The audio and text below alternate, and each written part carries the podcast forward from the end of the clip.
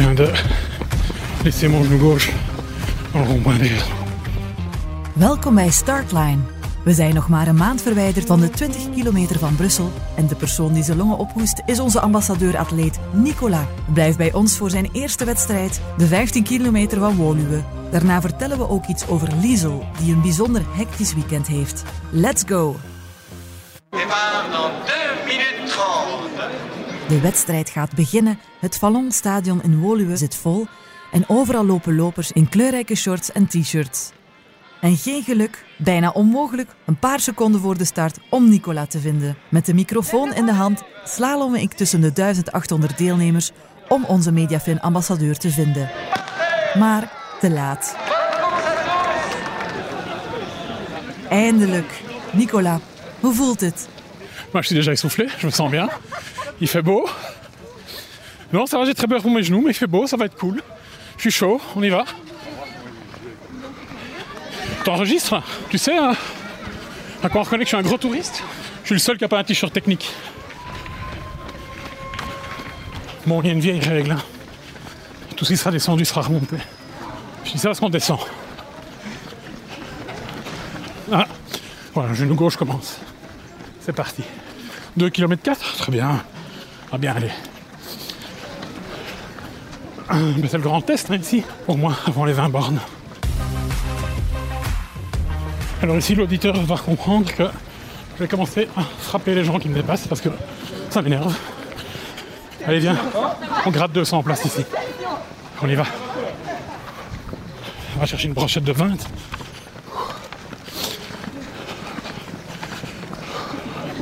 Puis c'est un mec qui se met dans le rouge en montée pour rigoler, puis il va crever après. Tu vois là c'est pas malin ce que j'ai fait. Mais, mais ça m'amuse. moi. C'est complètement con. C'est tout moi. Dans 10 ans je défonce tous les marathons. Ouais si je continue quoi. Moi faut être honnête, hein, je viens de me retourner. Il n'y a pas grand monde derrière nous. quoi. Si je vous donne 10 euros, je peux passer par là? Non, trop cher. 10 Ça marche pas. Je note quand même que pour les 20 bornes, si j'ai quelques billets de 50 en poche, on pourrait se taper des petits raccourcis quoi. Non, je déconne. Je dois y arriver à la régulière. Mais là, on nous prend pour des moutons. hein, parce on nous fait descendre un truc, puis le demi-tour hélico et on remonte. hein. C'est un peu nous prendre pour des cons ça. Regarde la journaliste Nico, ça c'est pas mal aussi avec le micro. Avec une ancienne gloire du jogging. Non, je j'ai jamais couru. Vous êtes déjà là, c'est déjà Voilà. Nicola, op de voet gevolgd door onze microfoon, valt op tussen de andere renners. Je kunt er net zo goed gebruik van maken om een beetje promotie te maken. Oui, c'est pour un, un podcast. C'est pour le boulot, je fais les 20 km et j'ai jamais couru de ma vie.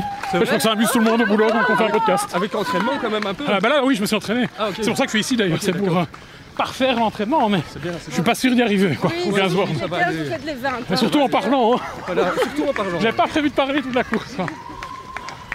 On est journalistes, on travaille pour l'éco, vous avez pas envie de vous abonner?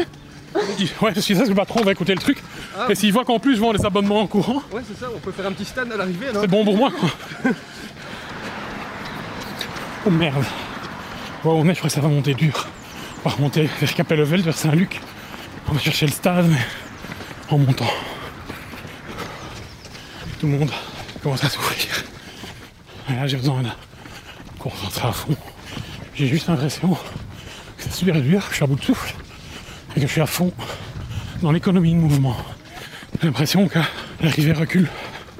Comme en montagne, tu crois que tu y es, puis il y a encore une autre derrière. Putain, 12 et demi seulement. C'est une blague. Moi, je crois qu'on était à 13 et demi, quoi. Ça, ça joue, hein. Ils ont mis que des côtes, quoi. Mais c'est vrai que je pense que mentalement,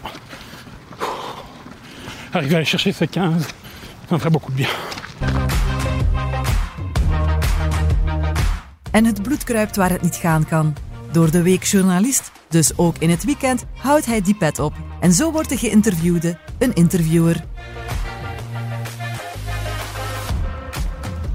Ah, on est à côté de Monsieur Minguin, je suis journaliste à l'écho.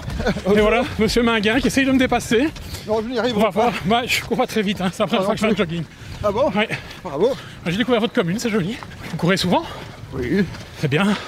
une ou deux fois par semaine, C'est vrai mais rarement sur une telle distance, plus court. Ça fait du bien d'arriver au dernier kilomètre. Ça fait du bien. On se dit que l'effort paie. Ouais. Parce que moi j'ai toujours une barrière vers le 11e, 12e. Ben, moi aussi, j'ai jamais dépassé 12 en fait. J'ai toujours couru. Vous faites souvent des compétitions? Non, pour la détente comme ici. J'ai regretté que mes parents m'aient pas permis d'aller dans un club. Ah bah on arrive au stade, noir de monde. Ça vaut une médaille de battre un bourgmestre Oui, Oui, c'est certainement. vrai ah, Médaille en chocolat. ah, ça m'intéresse. Nog een laatste ronde rond het stadion en hij is weg naar de eindstreep. On est vraiment dans les 200 derniers mètres. Et il m'a donné un coup de coude. Oui. Il tente une stratégie. Salut Allez, on sprint un peu. Allez, on y va. Hop une médaille. Ah, la médaille est première. Bien, bien joué. En tout cas, c'est fait. Première fois que je fais 15 bornes. Je pas marché. Mes genoux ont semi-tenu, moi embêté, mais là je suis super content. On va aller boire un petit coup. Alors, je suis sur mon Strava, hein, dans l'application. C'est les mythos parce qu'on a couru 14 km 6. J'ai fait une allure de 6 km 4, je pensais courir à du 7,5. Et j'ai mis 1h37 et 42 secondes. Et ça m'a pris 1137 calories. Et mon dénivelé de 136 mètres, vous saurez tout. Et battement rythme cardiaque 167. Fréquence moyenne. Voilà, en maintenant je bois de l'eau. 15 kilometer. Het was de allereerste keer voor Nicolas. En we konden wel zeggen dat hij het moeilijk had. Ook al zal hij het nooit toegeven, want hij had ook heel veel plezier. Laten we het debriefen. Nicolas was dit weekend niet de enige die zich al voorbereidde op de 20 kilometer van Brussel. Liesel deed net hetzelfde, op de 10 miles van Antwerpen. Hoe was het bij haar? Afgelopen weekend heb ik de Antwerp 10 miles gelopen. Ik was de dag daarvoor super nerveus. Ik had ook echt wel een beetje last van mijn zelfvertrouwen dat ergens eh, onder nul zat. Ik zag het niet meer echt zitten. Maar eh, de zondag zijn we uiteraard er gewoon voor gegaan.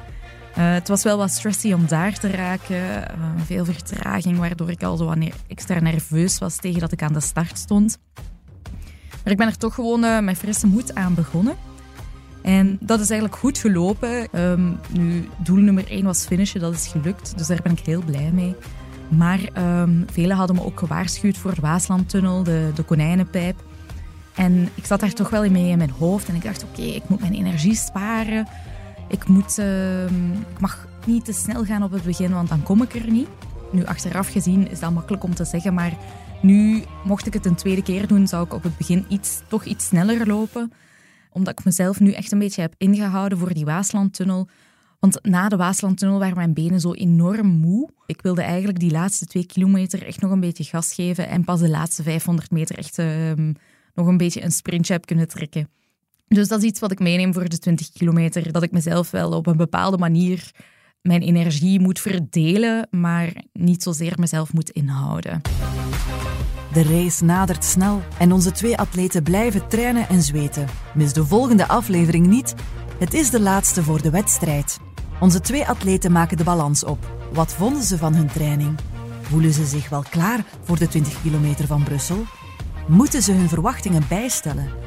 Of denken ze dat ze net beter zullen presteren? En intussen tijd, onthoud, spijs doet eten. Et vraiment reblague à part. En fait, ça me fait plaisir de courir.